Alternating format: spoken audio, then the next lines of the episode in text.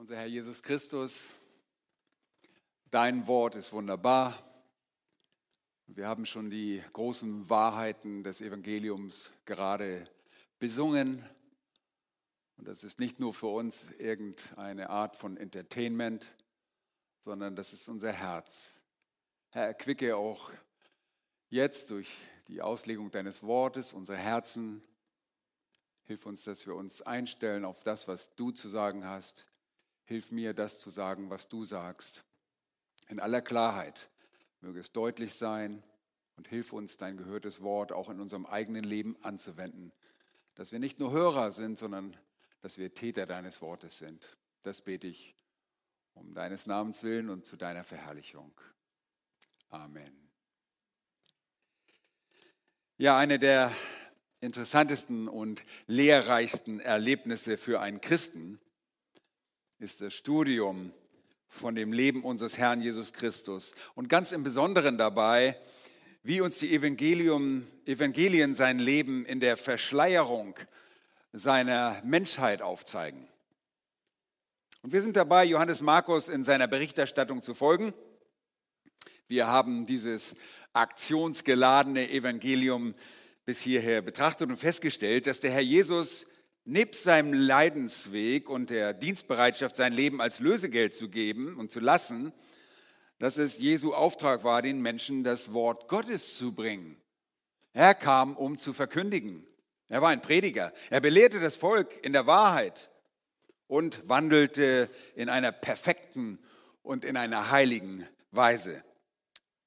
Und dabei stieß er, wie wir festgestellt haben, auf großen Widerstand. Er, der Herr, nutzt diesen Widerstand ultimativ dazu, um so für die Sünde am Kreuz zu sterben. Wir wissen, sein Tod ist kein Unfall und auch kein Schicksal, das er nicht schon lange kannte, sondern er ging gezielt auf seinen Tod zu. Aber während seiner Dienstzeit belehrte er vor allem auch seine Nachfolger mit größter Intensität. Und er bereitet seine Jünger für den naheliegenden Dienst vor, den sie, denn sie sollten anstelle von ihm Boten werden. Und so sind wir in dem letzten irdischen Dienstjahr vor seinem Tod, und wir können das relativ genau bestimmen, aber in gut einem halben Jahr zum Passafest im Jahre 30 nach Christus wird Jesus wie geplant sterben. Und das ist wunderbar zu sehen, dass es sein Plan ist und der auch genau aufgeht. Und wir beobachten, wie er die Jünger jetzt, die sich in weniger als einem halben Jahr also mit schwierigen Umständen in Jerusalem konfrontiert sehen, vorbereitet. Genauer gesagt, wie Jesus damit beginnt, seine Jünger auf seinen Weg und auf den ihren vorzubereiten. Und der öffentliche Dienst im heimischen Galiläa hatte, wie ihr wisst, bereits sein Ende gefunden. Die Ablehnung seiner Person war dort zum Höhepunkt gekommen. Die Feindseligkeit durch die religiöse Elite der Israeliten ist uns allen offenbar geworden und so beginnt der Herr sich den Jüngern in einer nicht zuvor dagewesenen Intensität zu offenbaren. Sich Zeit, ganz besonders Zeit für seine Nachfolger zu nehmen und sie zu belehren. Und ihr erinnert euch, als er als Galiläer weggeht, macht er diesen großen Exkurs, diese Reise durch äh, Tyros oder den, durch das Gebiet Sidon und Tyros und macht diesen großen Bogen und geht durch die Dekapolis.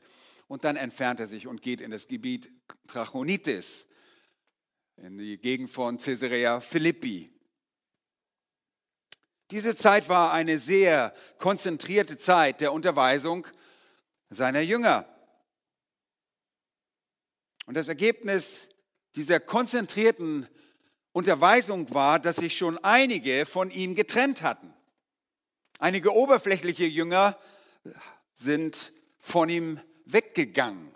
Sie waren Mitläufer und das passte ihnen nicht, was Jesus lehrte, könnt ihr nachlesen, Johannes 6. Viele der falschen Jünger gingen nämlich nicht mehr mit Jesus. Und das ist äh, auch für uns nichts Neues. Wir kennen das auch. Wir haben immer wieder mal Leute, die auftauchen und die wollen ein bisschen was mit Jesus zu tun haben. Aber wenn es dann ans Eingemachte geht und wenn man wirklich lehrt, was die Schrift lehrt und dann auch noch sagt, wir leben noch danach, dann, uh, dann sind die Leute weg. Das kennen wir. Sobald die Worte ernsthaft angewendet werden sollen, wollen Leute mit Gott nichts mehr zu tun haben. Oh, Menschen lieben Religiosität und je mehr, desto besser. Und der Satan liebt es auch. Aber sie lieben es nicht, wenn man absolute Wahrheiten und feste Standpunkte einnimmt, die es im eigenen Leben dann auch noch anzuwenden gilt. Das war interessant. Wir haben gestern auch eine interessante Taxifahrt gehabt von der Kirche nach Hause von einem religiösen Juden, der an Jesus glaubte und alles durcheinander geglaubt hat. Aber anwenden, das, was Jesus sagte, das war ihm wohl sehr fremd. Nun, dem Herrn sei Dank.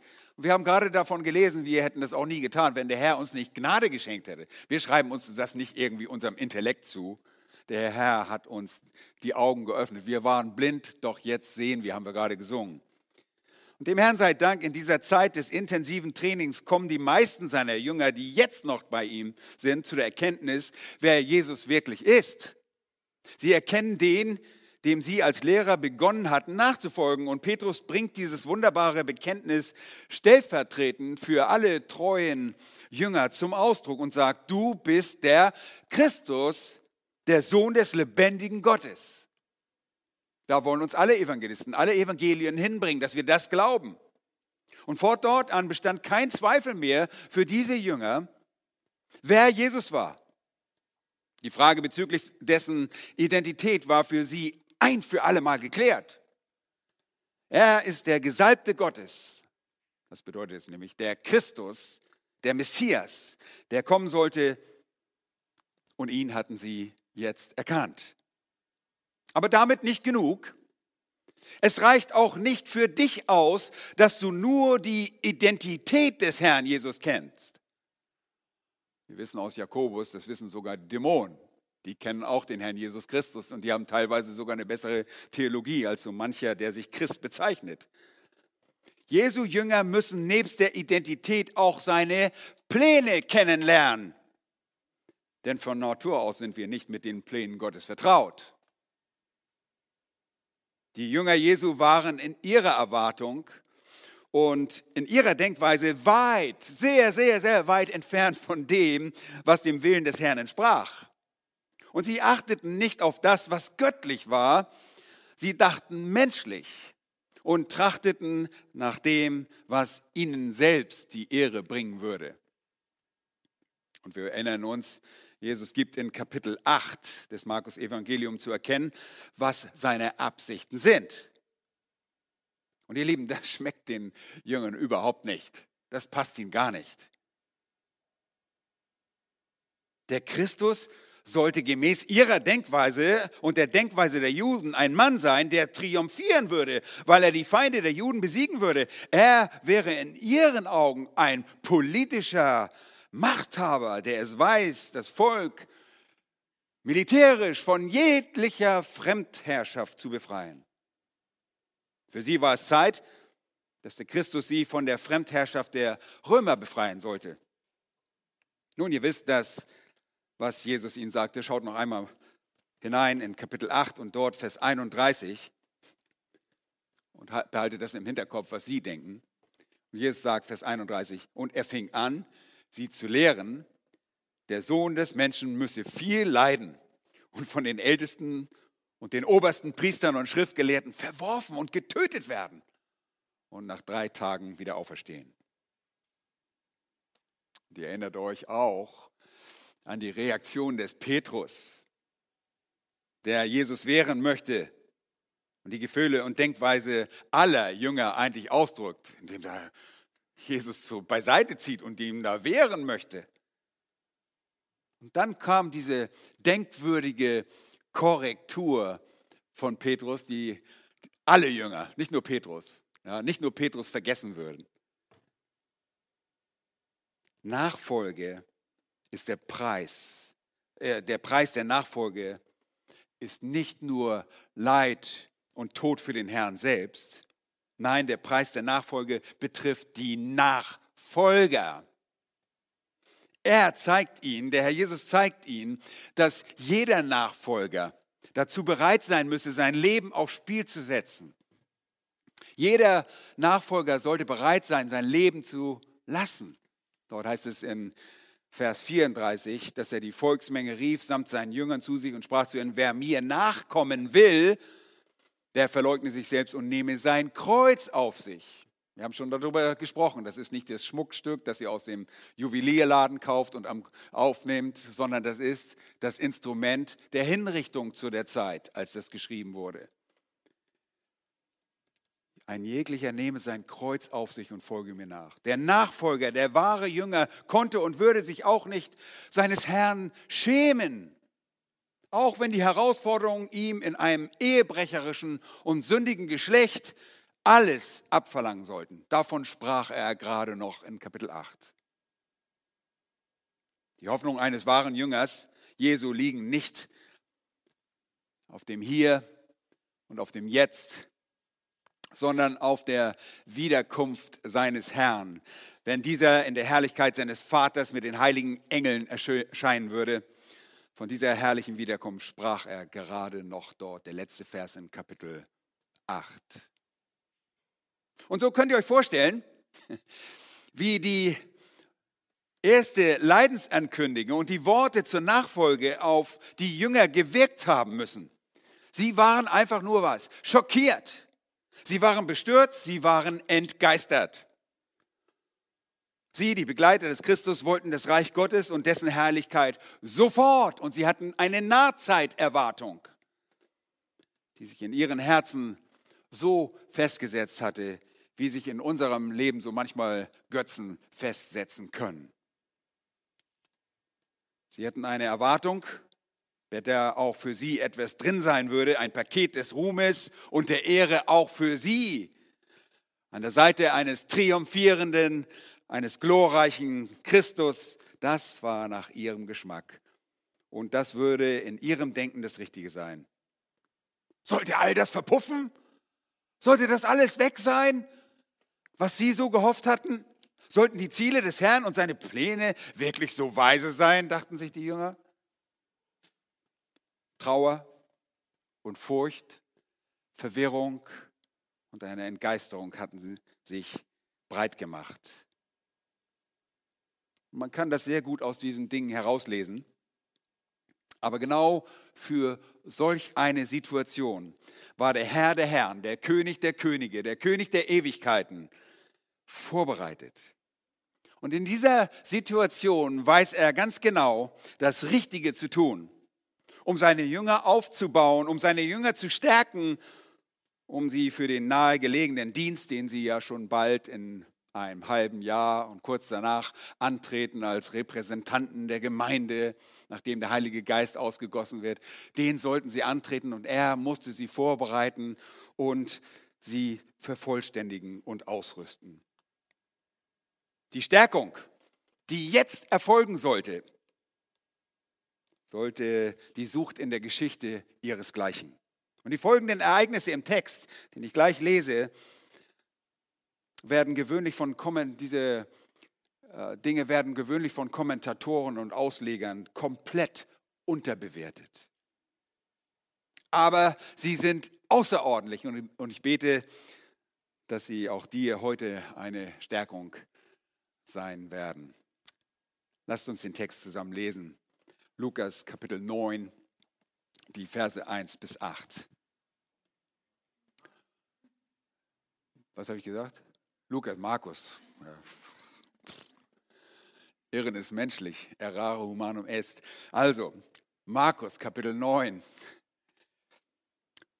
Und er sprach zu ihnen, wahrlich, ich sage euch, es sind einige unter denen, die hier stehen, die den Tod nicht schmecken werden, bis sie das Reich Gottes in Kraft haben kommen sehen. Und nach sechs Tagen nimmt Jesus den Petrus und den Jakobus und den Johannes zu sich und führt sie allein beiseite auf einen hohen Berg. Und er wurde vor ihnen verklärt. Und seine Kleider wurden glänzend, sehr weiß wie Schnee, wie kein Bleicher auf Erden sie weiß machen kann. Und es erschien ihnen Elia mit Mose. Die redeten mit Jesus. Und Petrus begann und sprach zu Jesus, Rabbi, es ist gut, dass wir hier sind. Lasst uns drei Hütten bauen. dir eine und Mose eine und Elia eine. Er wusste nämlich nicht, was er sagen sollte, denn sie waren voller Furcht. Da kam eine Wolke, die überschattete sie, und aus der Wolke kam eine Stimme, die sprach, dies ist mein geliebter Sohn, auf ihn sollt ihr hören. Und plötzlich, als sie umherblickten, sahen sie niemand, niemand mehr bei sich als Jesus allein. Ein wunderbarer Text mit einem wunderbaren Wunder, das in den meisten Büchern über Wunder, die Wunder Jesu einfach ausgelassen wird, gar nicht berücksichtigt wird. Aber ich denke, das ist eines der größten Dinge, die es hier im, auf den Seiten Neuen, des Neuen Testaments gibt vor seiner Auferstehung. Nun, die Parallelpassagen, dieser Text wird auch im Matthäusevangelium und auch im Lukasevangelium, vielleicht bin ich deshalb auf Lukas gekommen, auch berichtet davon und Petrus berichtet später im zweiten Petrus davon. Das Thema für diesen Text ist maximale Stärkung für Entgeisterte. Das sind entgeisterte Jünger. Und wenn du heute ein entgeisterter Jünger bist, dann ist es die maximale Stärkung für dich als ein entgeisterter Jünger. Schaut euch den ersten Vers an die erste Stärkung. Da ist die rasche Erfüllung der jüngsten Ankündigung Jesu. Ich lese die Verse 1 und 2 nochmals vor. Und er sprach zu ihnen, wahrlich, ich sage euch, es sind einige unter denen, die hier stehen, die den Tod nicht schmecken werden, bis sie das Reich Gottes in Kraft haben kommen sehen. Und nach sechs Tagen nimmt Jesus den Petrus und den Jakobus und den Johannes zu sich und führt sie allein beiseite auf einen hohen Berg und er wurde vor ihnen verklärt. Nun, wir sehen hier die Ankündigung, die rasche Erfüllung der jüngsten Ankündigung. Das ist die Ankündigung, dass sie das Reich Gottes sehen würden in Kraft. Die prophetische Ankündigung des Herrn, wie sie in Vers 1 aufgezeichnet ist, geschieht wahrscheinlich im Zusammenhang hier mit der Lehre über die Nachfolge. Und ich habe den Text Vers 1 mit in diese Predigt genommen, obwohl er eigentlich gedanklich zu den vorhergehenden Text gehört. Er spricht hier noch zu dem Volk und zu dem jüngeren, äh, dem, jüngeren, dem engeren Jüngerkreis. Und das heißt, da heißt es, und er sprach zu ihnen, und der Kontext legt wirklich nahe, dass das Volk und eben diese Jünger waren, die sich immer noch in der Gegend von Caesarea Philippi aufhielten. Und er sagt, es sind einige unter euch und unter denen, die hier stehen, die jetzt gerade also da zuhörten, als Jesus predigte über die Kosten der Nachfolge, die den Tod nicht schmecken werden, bis sie das Reich Gottes in Kraft haben kommen sehen. Und es wurde in der Geschichte sehr viel gerätselt, worauf sich diese Aussage Jesu wohl beziehen würde. Und ich kann euch sagen, was die Jünger dachten. Sie glaubten, ha, das ist die Errichtung des Reiches, die steht jetzt unmittelbar vor der Tür. Jesus kommt und wir werden an seiner Seite sitzen. Das hat natürlich das genau gefüttert, was sie gedacht haben. Ihr fehlgeleitetes Denken wurde bestätigt. Der Gedanke, dass das Reich jetzt errichtet wird, das hören sie in diesen Worten Jesu. Und Ausleger haben im Laufe der Geschichte sahen darin den Tod Jesu, seine Auferstehung oder sie sahen die, Auf, äh, die Ausgießung des Heiligen Geistes, sie sahen den Beginn der Gemeinde als das Reich Gottes. All diese Dinge wurden vorgeschlagen, aber sind wirklich nicht so richtig befriedigend. In allen Evangelien, in diesen Synoptikern, wurde übrigens jeweils diese Vorhersage mit der Erfüllung der, Erklärung, der Verklärung in Zusammenhang gebracht. Und so glauben wir, dass die Verklärung, die Erfüllung dieser Vorhersage ist. All diese Dinge sind sonst nicht befriedigend. Und so sind sich zunehmend mehr der Ausleger einig, dass sich die Ankündigung nur auf das unmittelbar folgende Ereignis der Verklärung Jesu beziehen könne. Ja, und das glauben wir auch. In den Versen, die nun folgen, wird den vertrautesten Jünger, dem engeren Kreis der Jünger, eine Vorschau auf die Herrlichkeit des Reiches gegeben. Erinnert ihr euch, sie sind entgeistert. Sie denken, oh, Leid, Tod, wir wollen doch das Reich Gottes, wir wollen doch Ehre. Und die waren einfach niedergeschlagen, die waren entgeistert. Und jetzt kommt er und gibt ihnen eine Vorschau von dem, was kommen wird. Und das ist diese Verklärung. Noch bevor Menschen sterben sollten, konnten einige von ihnen das Reich in dieser Kraft kommen sehen und davon Zeuge werden. Und hier in Vers 2 wird die Zeit angefügt, in der sich die Ankündigung rasch erfüllen sollte. Da heißt es nach sechs Tagen. Matthäus und Markus sagen beide nach sechs Tagen. Lukas äh, hat eine andere Zählweise und sagt acht Tage. Rate mal, was die Kritiker sagen. Ha, Widerspruch, Widerspruch. Wir haben Widerspruch in der Bibel gefunden. Ihr Lieben, das ist überhaupt kein Widerspruch. Es bezieht sich auf eine andere Art und Weise, wie gezählt wird. Nämlich, er zählt den Tag der Ankündigung mit, sowie den Tag der Erfüllung. Zwei Tage mehr. Macht aus sechs acht Tage. Ist gar nicht so schwierig, oder? Alles erledigt. Die beiden anderen Evangelisten zählen einfach nur die dazwischen gelegenen Tage nicht mit. Und das ist keine ungewöhnliche Art Erzählung und die Differenz sollte euch deshalb nicht stören, denn sie ist sehr leicht in den unterschiedlichsten Zählungen, Zählweisen zu erklären. Und das Ereignis sollte also sich sehr rasch erfüllen. Nach etwas über einer Woche oder einer Woche erfüllt sich also dieses Ereignis.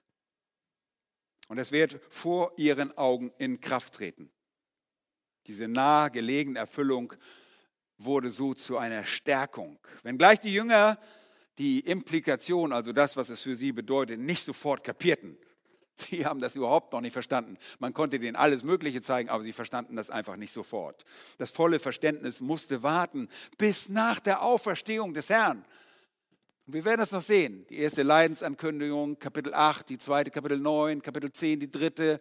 Und immer noch kapieren sie es nicht und streiten noch im oberen Saal, wer der Größte unter ihnen sein würde. Ja, die sind genauso schnell wie wir manchmal im Lernen. Ne? Oder seid ihr schneller? Meldet euch bei mir, wenn ihr schneller seid dann will ich von euch lernen. Okay. Nun, sie sind sehr langsam, aber es erfüllt sich. Und äh, sie kapieren es nicht gleich. Stattdessen müssen sie von Jesus ja wirklich einige Male auf dem Weg, auf dem Weg seines Leidens nach Jerusalem darauf hingewiesen werden, dass er, ihr Retter, leiden, sterben und auferstehen sollte. Zu fest war das eigene Denken von Ehre und Ruhm in ihrem eigenen Herzen verankert. Ihre eigene Anerkennung stand auf dem Spiel. Die vermeintliche Anerkennung, die für sie selbst in dem ganzen Geschehen drin gewesen wäre, wenn. Nun, die Ausgangslage ist folgende. Da heißt es, und es geschah aber ungefähr acht Tage nach diesen Worten, dass er Petrus und Johannes und Jakobus zu sich nahm, auf den Berg stieg, um zu beten. Nun, das sehen wir bei Lukas äh, 9, Vers 28. Das sehen wir nicht. Markus erwähnt das nicht und das ist immer so schön, wenn wir die Evangelisten zusammen anschauen, bekommen wir das ganze Bild. Ne? Und wir wissen nicht genau, wann das war. Jesus pflegte oft zu beten und sich zurückzuziehen auf einen Berg. Und hier nimmt er eben seine Jünger, diesen ganz engen Jüngerkreis mit. Petrus, Jakobus und Johannes, die Donnerssöhne, nimmt er mit. Und er möchte beten. Und gewöhnlich betet Jesus nicht am hellen Tag, sondern morgens, entweder morgens ganz früh, vor Aufgang der Sonne oder spät abends. Und da heißt es, sie ging auf einen Berg, um zu beten. Und das war eine gängige Praxis. Es ist einfach nichts Ungewöhnliches, oder? Für Jesus nichts Ungewöhnliches. Matthäus und auch Markus erwähnt das nicht einmal. Aber Lukas hat ein paar interessante Details. Sie gehen auf den Berg, den Petra, Petrus später heilig nennt. Denn ich sage euch eins, das ist nicht irgendwie so ein besonderer Berg, weil da ein Heiligenschein drum ist oder so, sondern jeder Berg, der von lebendigen Gott betreten wird, wird heilig. Es ist ein abgesonderter Berg, weil Jesus dort beten ging. Das ist der heilige Berg. Deshalb, da ist nichts Besonderes an dem Berg. Wenn man den anfasst, wird man nicht heiliger und auch, das hat nichts damit zu tun, okay? Der Berg war ein abgesonderter Berg, den Jesus aufsuchte, um dort mit seinen Jüngern zu beten. Und das war der Berg, auf dem der Herr verklärt wurde. Und das geschah sonst nirgends. Manche haben vorgeschlagen, und es wird traditionell geglaubt, dass Jesus mit den Jüngern auf den Berg Tabor ging. Und der Berg Tabor ist ein Berg am Ostrand der Jezreel-Ebene in Galiläa im Norden des Landes. Und es ist dort auch sehr auffällig, dieser Berg.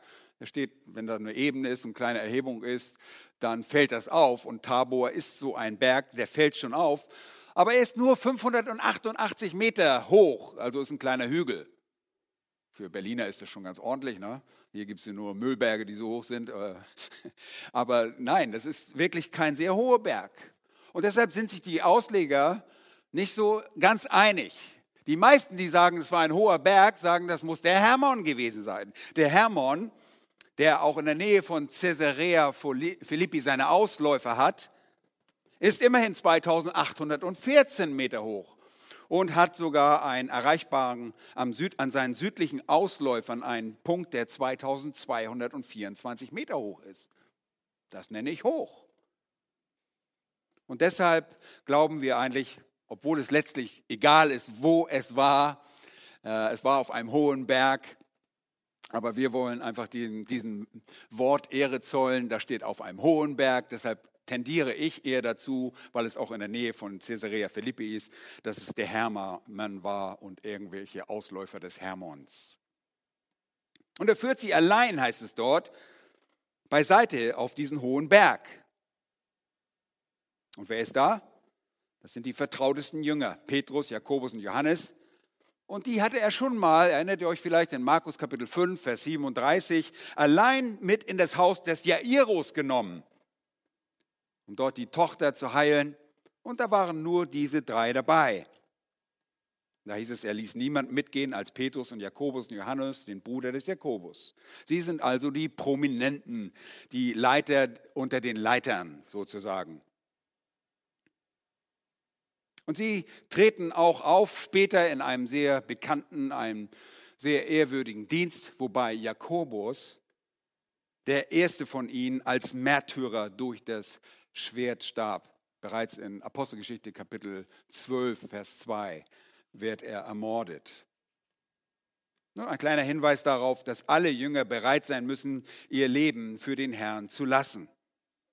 Aber was ihr seht ist, hier wird Jesus jetzt, und es wird einfach nur ganz einfach gesagt, er wurde vor ihnen verklärt.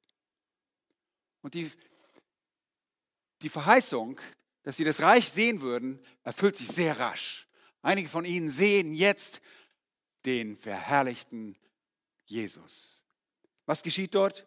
Lasst uns zweiten sehen. Die Verklärung führt uns zu Punkt 2, die äußerliche Verwandlung des Herrn Jesus. Da heißt es am Ende von Vers 2, und er wurde vor ihnen verklärt. Und äh, ja, das Wunderbare dabei ist, äh, es kommt zur Veränderung seines Erscheinungsbildes. Und dann heißt es Vers 4, dass noch Elia und Mose auftreten und mit Jesus reden. Und dann kommt Petrus, der durcheinander ist. Während dieser ganzen Verklärung weiß er nicht, was er sagen soll und fängt einfach an zu reden, weil es Petrus ist. Der hat immer, immer irgendwas zu sagen, auch wenn es keinen Sinn gemacht hat, wie diesmal. Äh, aber all das geschieht, weil Jesus verwandelt wird. Auf den Berg zu gehen und zu beten war nur eine Sache. Aber das größte Wunder steht bei Markus nur so ganz einfach im Vordergrund. Er lässt aus, dass die Jünger ermüdeten und sogar in einen Schlaf fielen dabei. Kann man sich gar nicht vorstellen, oder? Äh, dass sie da anfangen zu schlafen. Lukas gibt diese schwierig einzustufende Bemerkung in Lukas 9, 32. Da heißt es, Petrus aber und seine Gefährten waren vom Schlaf übermannt. Und inmitten der Verklärung kommt diese Bemerkung und diese Aussage. Nun, was dieses Übermanntsein vom Schlaf bedeutet, ob das eine, als Folge einer ungewöhnlichen Anspannung, als Folge der Furcht und dem Stress, dem sie durch das Ereignis ausgesetzt waren, geschah, oder ist es nur die ungewöhnliche Zeit des Betens? Vielleicht ist Jesus morgens um drei Uhr losgegangen und die hingen einfach so hin, so wie Olli hier in der ersten Reihe, der gerade seine Augen versucht aufzuhelfen, weil er gestern so geholfen hat. Ja, aber ja, vielleicht vom Schlaf übermannt, weil sie früh oder abends spät auf waren. Und wir wissen es letztlich nicht. Wir können es nicht einordnen. Warum fangen die an zu schlafen? Warum sind die vom Schlaf übermannt? Nun, eine ähnliche Schlafsituation finden wir auch im Matthäus-Evangelium, Kapitel 26 als genau diese drei Männer mit Jesus, vielleicht waren das die größten Penner, die größten Schläfer, die er mit sich genommen hat. Nein, das waren die vornehmsten Apostel. Aber er nimmt sie mit in den Garten Gethsemane. Erinnert ihr euch? Und Jesus geht beten. Und da heißt es dann, er nahm Petrus und die zwei Söhne des Zebedeus mit sich, das sind die beiden, Jakobus und Johannes, und er fing an, betrübt zu werden. Und ihm graute sehr. Und er spricht zu ihm, meine Seele ist tief betrübt bis zum Tod, bleibt hier und wacht mit mir. Und das geschieht dreimal. Jesus kommt zurück und was machen sie? Die schlafen. Die schlafen. Ja. Dreimal. Dreimal ist es so. Er kommt zu den Jüngern, am Ende von Vers 45 heißt es, schlaft ihr noch immer und ruht, siehe, die Stunde ist nah und der Sohn des Menschen wird in die Hände der Sünder ausgeliefert. Und sie schlafen. Nur ich finde es sehr ungewöhnlich, denn die Verklärung war voll im Gange, als Lukas die schreibt. Sie sollte für genug Adrenalin gesorgt haben, um die Jünger wach zu halten. Und vielleicht ist dieses Übermanntsein vom Schlaf deshalb auch eine Art, als eine Art Koma zu deuten. Denn dass sie durch diese große Stresssituation hineingefallen sind, der Verklärung, die diese Verklärung ausgelöst hat, äh, wir haben ein ganz ähnliches äh, Ereignis als Johannes später in Offenbarung Kapitel 1 eine Version von dem verherrlichten Jesus hat und er fällt wie tot um.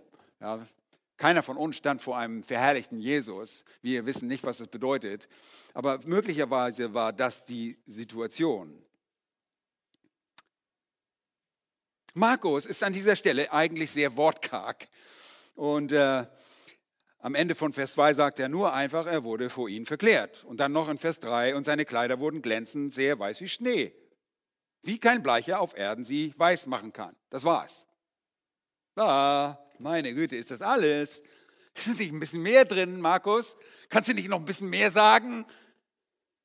Komm schon. Ist das wirklich alles? Ja, das ist alles. Das ist alles. Und für die Jünger ist dies eine physisch körperliche Erfahrung. Es handelt sich um eine echte Erfahrung, es ist nicht eine Vision. Die Herrlichkeit Gottes leuchtete gewöhnlich und geistlich gesehen immer im Angesicht Jesu, aber in dieser Situation gibt es eine tatsächliche Verwandlung. Und das griechische Verb, das in Vers 2 gebraucht wird, ist metamorphao. Und wir leiten Metamorphose davon ab. Verwandlung. Die Verwandlung. Und es geschieht tatsächlich eine Verwandlung, die physisch real ist, tatsächlich körperlich geschieht. Die lodernde, strahlende Herrlichkeit seiner göttlichen Natur durchdringt plötzlich durch Veranlassung, das Wort ist im Passiv, seine Menschlichkeit und der Schleier seiner Menschlichkeit wird geliftet, er wird zurückgezogen. Und wir sehen den verklärten Herrn, wir sehen ihn in seiner göttlichen Natur. Nicht wir, aber die Jünger sehen ihn. Wir glauben, dass sie ihn gesehen haben. Und er war wie die Sonne zur Mittagszeit.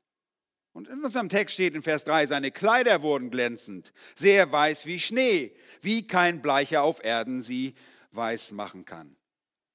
Und entweder hat Markus eine schlechte Erfahrung gehabt bei den Reinigungsleuten, aber es war richtig weiß. Und ihr, ihr wisst möglicherweise auch nicht, was Schneeweiß ist. Ihr habt keine Ahnung, was Schneeweiß ist. Ich kenne das. Ich habe für einige Jahre an einem Ort gewohnt, wo es sieben Monate garantiert Schnee gab. Und der Schnee war wirklich schneeweiß. Nicht so eine Matschepampe wie bei uns in Deutschland. Wisst ihr, wenn mal so ein Zeugs runterkommt, dieses so, so ein bisschen so, das wird sofort braun und das, das ist gar nicht schneeweiß. Aber da, wo wir waren, im Yukon in Kanada, wenn, da, wenn es da geschneit hat und dann der, die Sonne drauf schien, oh, ist wunderschön wie das glänzt. Richtig schön, strahlend, es ist schneeweiß. Und da konnte ich das erste Mal richtig ver ach, das ist schneeweiß. Und es blieb auch weiß. Auch die Straßen blieben weiß, weil es kalt war. Und wenn die Sonne dann so äh, im Schnee reflektiert, dann ist das schon sehr beeindruckend. Aber hier ist das heller. Und Matthäus bedient sich der Superlative. Und sein Angesicht leuchtete wie die Sonne. Ihm fällt einfach nichts mehr anderes ein. Und wir gucken nicht in die Sonne. Da guckt keiner von uns gerne rein. Das können wir nicht. Das macht unsere Augen kaputt. Und seine Kleider wurden weiß wie das Licht. Und hier sehen wir den Herrn, der in seiner göttlichen Natur nicht einmal anzusehen ist, denn in die Sonne kannst du nicht hineinsehen. Es ist immer noch eine Art der Verschleierung da. Sie können es nur mit diesen einfachen Worten beschreiben. Und aus den Parallelberichten von Matthäus und auch dem Lukas wird deutlich, dass sich die Verwandlung auch wo zeigt? In seinem Angesicht. Nicht nur die Klamotten, nicht nur die Kleidung, wie Markus es schreibt, da heißt es, und sein Angesicht leuchtete wie die Sonne und seine Kleider wurden weiß wie das Licht. Also wir sehen den Herrn, der in seiner göttlichen Natur nicht einmal anzusehen ist, denn in die Sonne können wir nicht hineinsehen. Ja, aus den Parallelberichten von Matthäus und Lukas wird deutlich, dass sein Körper sich änderte. Verändert durch diese Verwandlung werden Jesu körperliche Erscheinung als auch seine Kleidung in göttlicher Natur erscheinen. Und bitte nehmt das zur Kenntnis. Diese Veränderung war nur eine äußerliche. Ich glaube, das steht als Frage da für die Wachstumsgruppen, dass ihr euch darauf vorbereitet. Es war nur eine äußerliche. Denn Jesus war immer was? Gott. Der ewige Gott und Sohn Gottes war zwar Mensch, aber er gab seine Gottheit nie auf. Er hörte nie auf, Gott zu sein. Und wir lehren schriftgemäß, dass in seiner Menschwerdung Christus seine göttliche Natur, Eigenschaften und Vorrechte immer voll besaß. Allerdings brachte er imstande seiner Demütigung, seine Erniedrigung, die Herrlichkeiten seiner Majestät nicht immer voll zum Ausdruck. Er verbarg diese hinter dem Schleier seiner wahren Menschlichkeit. Warum tat er das? Denn er handelte immer in der Unterwerfung gegenüber seinem Vater. Er tat immer den Willen seines Vaters, als er hier auf Erden Mensch war. Seht ihr? Und dieser Schleier seiner Menschlichkeit wurde hier in der Begebenheit auf dem Berg, in der Gegenwart seiner auserwählten Jünger einfach zurückgezogen. Und das ist einmalig. Und dem Markus und den anderen Evangelisten fällt einfach nicht viel mehr ein als das. Die können nicht mehr sagen. Das erinnert mich so ein bisschen an, an Paulus, der ja wurde ja auch in, in den dritten Himmel entrückt und der konnte nichts sagen. Er sagt, erstmal kann ich, kann ich, selbst wenn ich wollte, kann ich nichts erzählen. Das sind einfach unaussprechliche Dinge, die da geschehen. Und den Schreibern, den Evangelisten fällt einfach nicht mehr, viel mehr ein als das, was sie hier sagen. Und das strahlende Aussehen der Person Jesu betonen. Und die drei privilegierten Jünger durften Jesus so sehen wie sonst keiner. Und einige Jahre danach schreibt Petrus von diesem Ereignis im zweiten Petrusbrief, also ist kurz vor seinem Tod, denn er spricht von seinem Tod in diesem Text, in Kapitel 1, die Verse 15 und 18.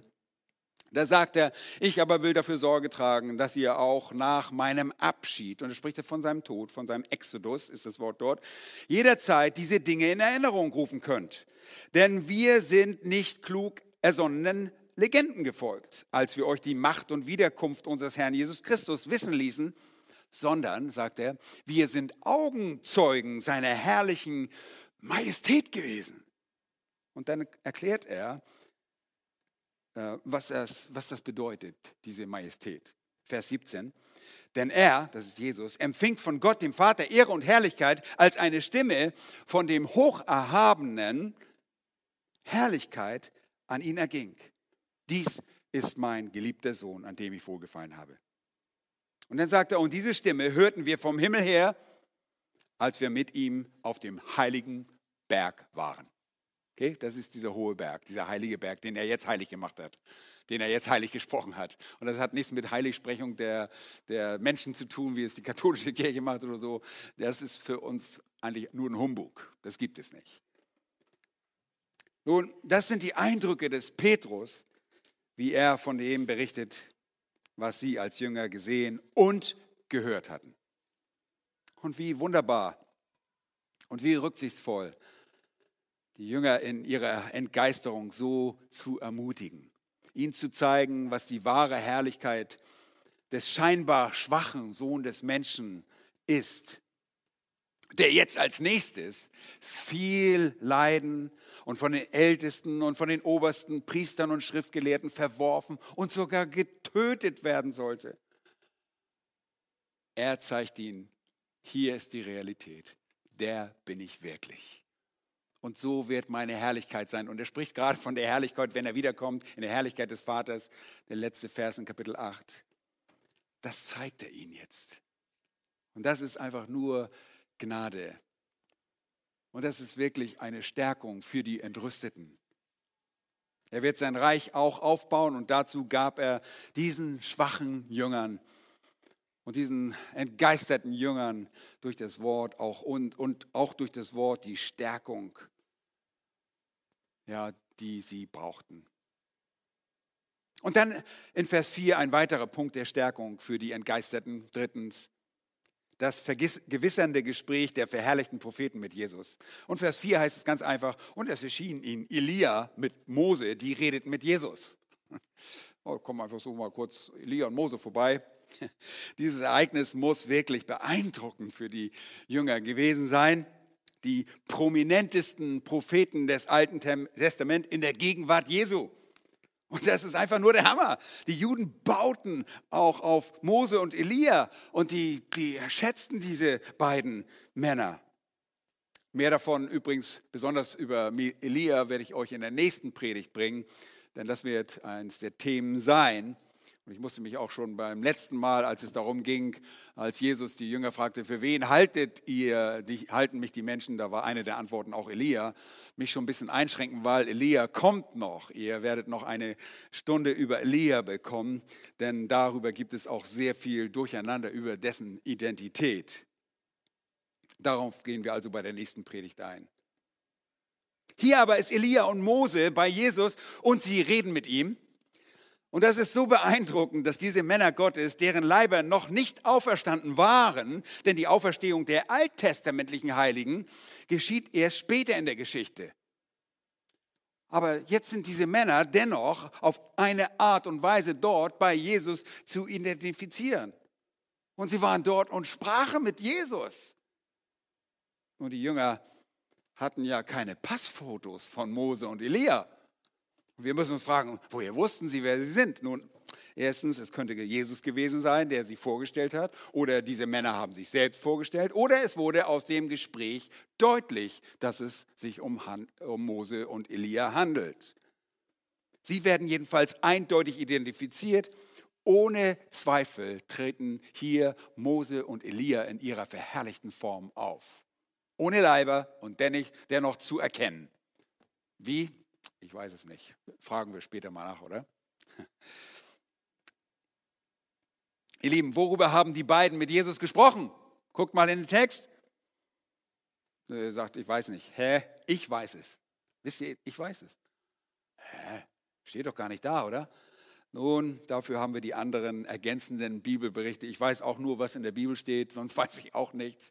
Äh, es steht genau drin, worüber sie gesprochen haben mit Jesus. Ist das nicht interessant?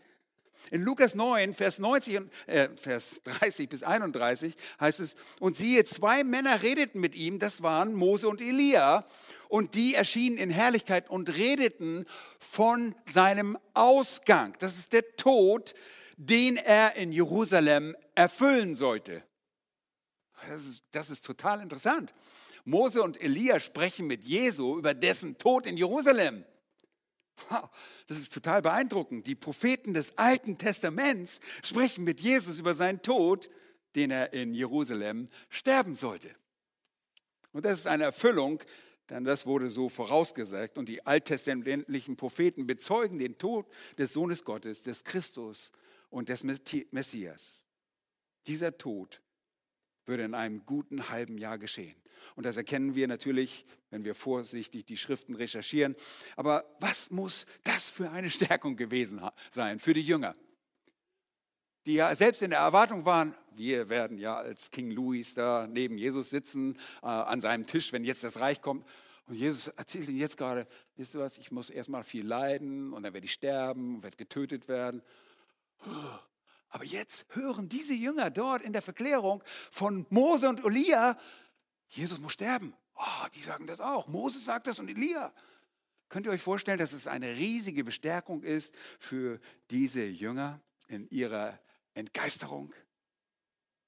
Diese Propheten wirkten so auf sie.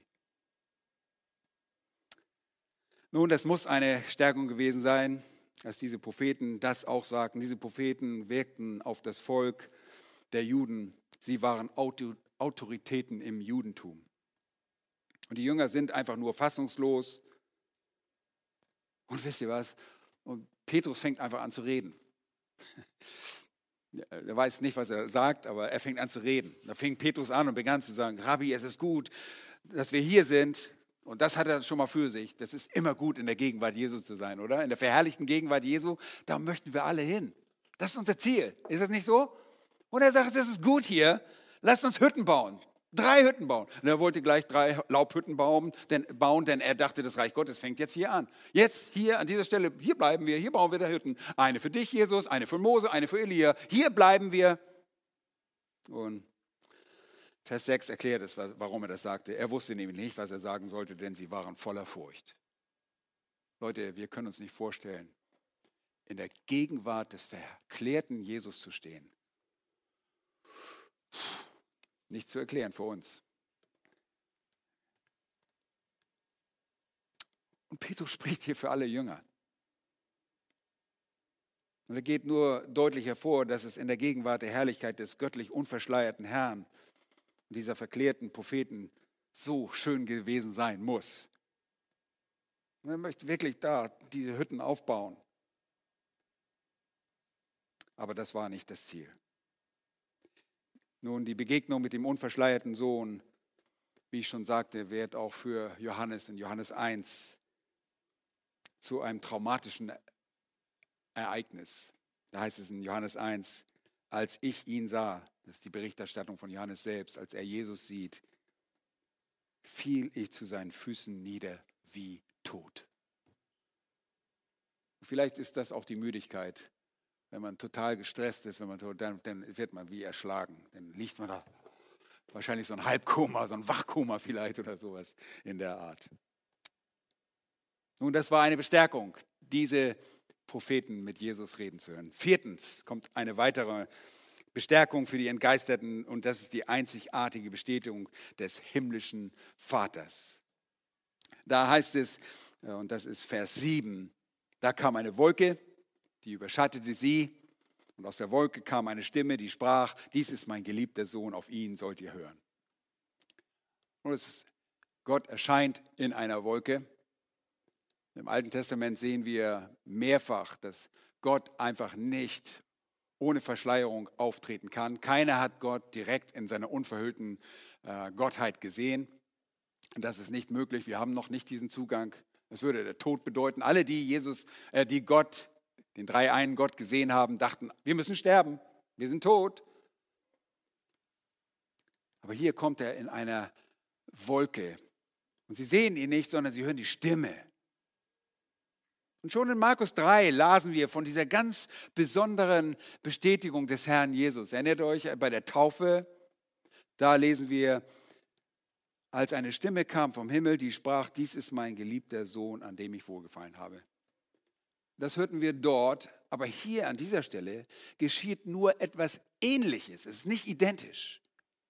Hier ist eine Steigerung, denn jetzt spricht die Stimme aus der Wolke die sie überschattete, die Jünger an und befiehlt ihnen, auf den geliebten Sohn zu hören. Das ist eine Steigerung, das gab es vorher noch nicht. Das ist einmalig. Das ist einmalig. Welche Stimme kommt aus dem Himmel, wenn wir das mal so fragen dürfen?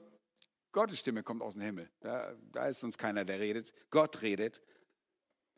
Wer kann das Possessiv, also das besitzanzeigende Fürwort äh, in Hinsicht auf die Vaterschaft des Herrn Jesus anwenden? Ja, nur der Vater im Himmel, das ist Gott, der Vater im Himmel. Was ist die Denkweise des Vaters von seinem Sohn?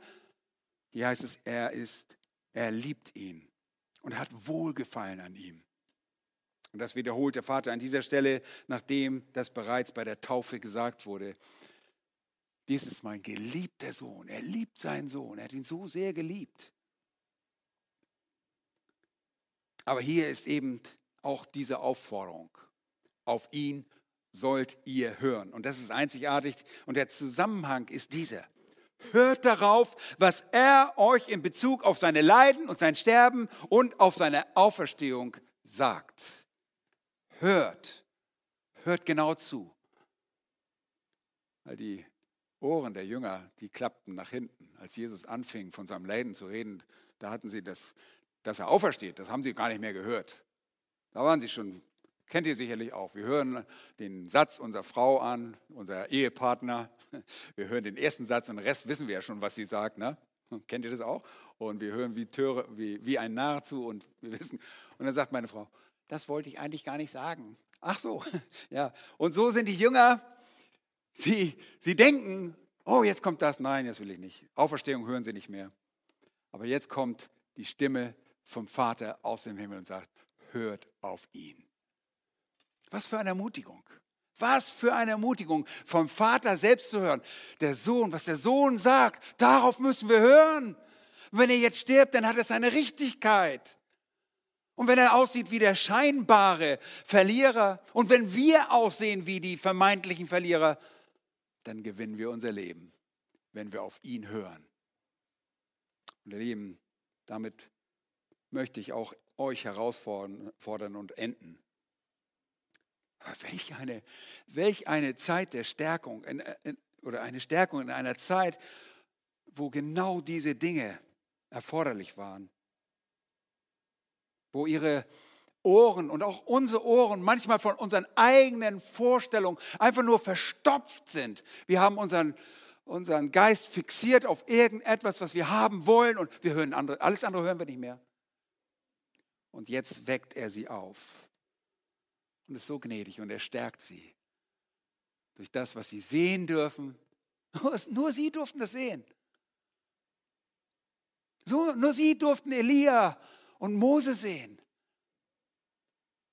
Sie durften diese Herrlichkeit, diese lodernde Herrlichkeit des Sohnes sehen, unverhüllt. Und dann die Stimme so deutlich zu hören. Hört auf den geliebten Sohn. Meine Frage an dich ist, gehörst du auf den geliebten Sohn? Möge der Herr helfen, dass wir uns hinterfragen, ob wir wirklich das tun, was sein Wort sagt, oder ob wir nur unseren eigenen Wunschvorstellungen nachjagen. Das geht. Selbst wir als religiöse Leute, uns als fromme Christen können uns selbst verführen.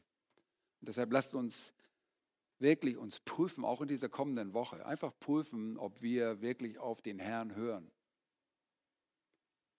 Und wenn wir das lesen, und so ging es mir auch in dieser Woche, wurde ich einfach gestärkt und ich war zwar nicht entgeistert, ich bin manchmal entgeistert, ja, wenn ich manche Reaktionen sehe und so und, und mich manchmal auch selber sehe, bin ich auch entgeistert von mir selbst. Aber dann kann ich wieder gestärkt werden durch das Wort des lebendigen Gottes. Und das wünsche ich euch für diese Woche, wenn ihr euch diesen Text nochmal vor Augen führt. Lasst uns zusammen beten. Herr, du bist so gütig, auch mit diesen Jüngern, die noch so unverständlich waren, aber die du zurechtgebracht hast, die du in deine Schule genommen hast. Und es gibt keine bessere Schule, als unter deiner Lehre zu sitzen. Dein Wort ist Wahrheit. Heilige uns durch dein Wort. Und hilf uns wirklich, dein Wort zu sehen und nicht das, was wir davon denken oder halten. Hilf uns, dein Wort recht auszulegen. Überführe uns vor Irrtümern. Hilf, dass wir bereit sind, uns zu korrigieren, da wo wir uns irren. Herr, keiner von uns ist ohne Irrtümer. Wir wollen dein Wort erkennen. Wir wollen wachsen in der Kenntnis deines Willens und deiner Person. Lass uns wachsen und danke für diese Stärkung aus deinem Wort. Wir loben und wir preisen dich dafür in Jesu Namen. Amen.